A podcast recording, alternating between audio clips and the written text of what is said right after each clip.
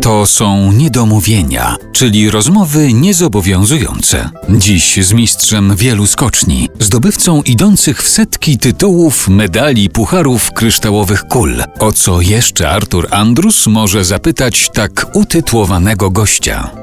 Kamil Stoch jest dzisiaj naszym gościem w RMF Classic. E, o sporcie już sobie trochę porozmawialiśmy. Teraz porozmawiajmy o muzyce, ale ja już wytłumaczę, dlaczego ja chcę z panem o muzyce rozmawiać, ponieważ my się od paru lat regularnie spotykamy na koncertach. Ja pana widuję na, tak. na koncertach w Zakopanem.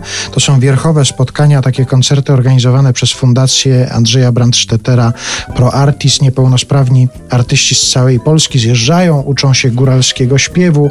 Potem takie koncerty są na równi Krupowej w Zakopanem albo w innych miejscach prezentowane. No i my tam od paru lat się spotykamy. Pan zawsze im towarzyszy od lat tej fundacji, wspiera działania Fundacji Andrzeja Brandstettera. A porozmawiajmy o muzyce, bo pan się wychował w górach. Ta muzyka, która panu od dzieciństwa towarzyszyła, to jest folkowa muzyka ta góralska, czy jakaś inna? Owszem, wychowałem się w górach, natomiast e, z muzyką góralską miałem bardzo niewiele wspólnego.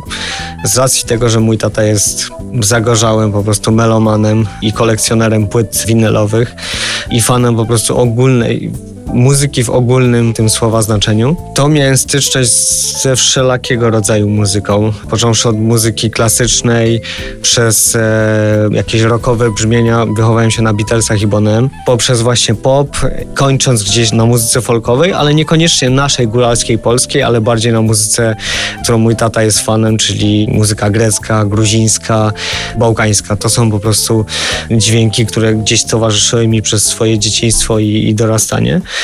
I może też e, dzięki temu mam po prostu taki trochę szerszy pogląd na, na muzykę. Nie jestem jakby tylko zaszufladkowany na jeden rodzaj muzyki, na przykład na umcy, umcy. Mhm. tylko w zależności od nastroju lubię posłuchać po prostu czegoś, co, przy czym się mogę zrelaksować, a też gdzieś odpłynąć sobie daleko myślami.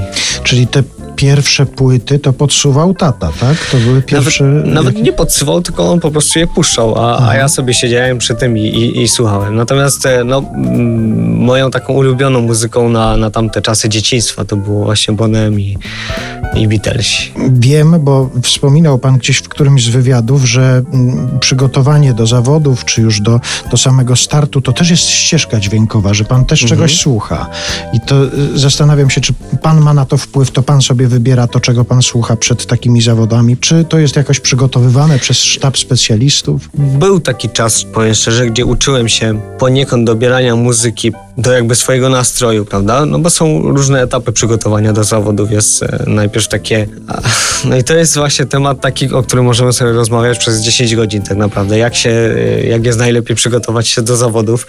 To spróbujmy w dwie minuty.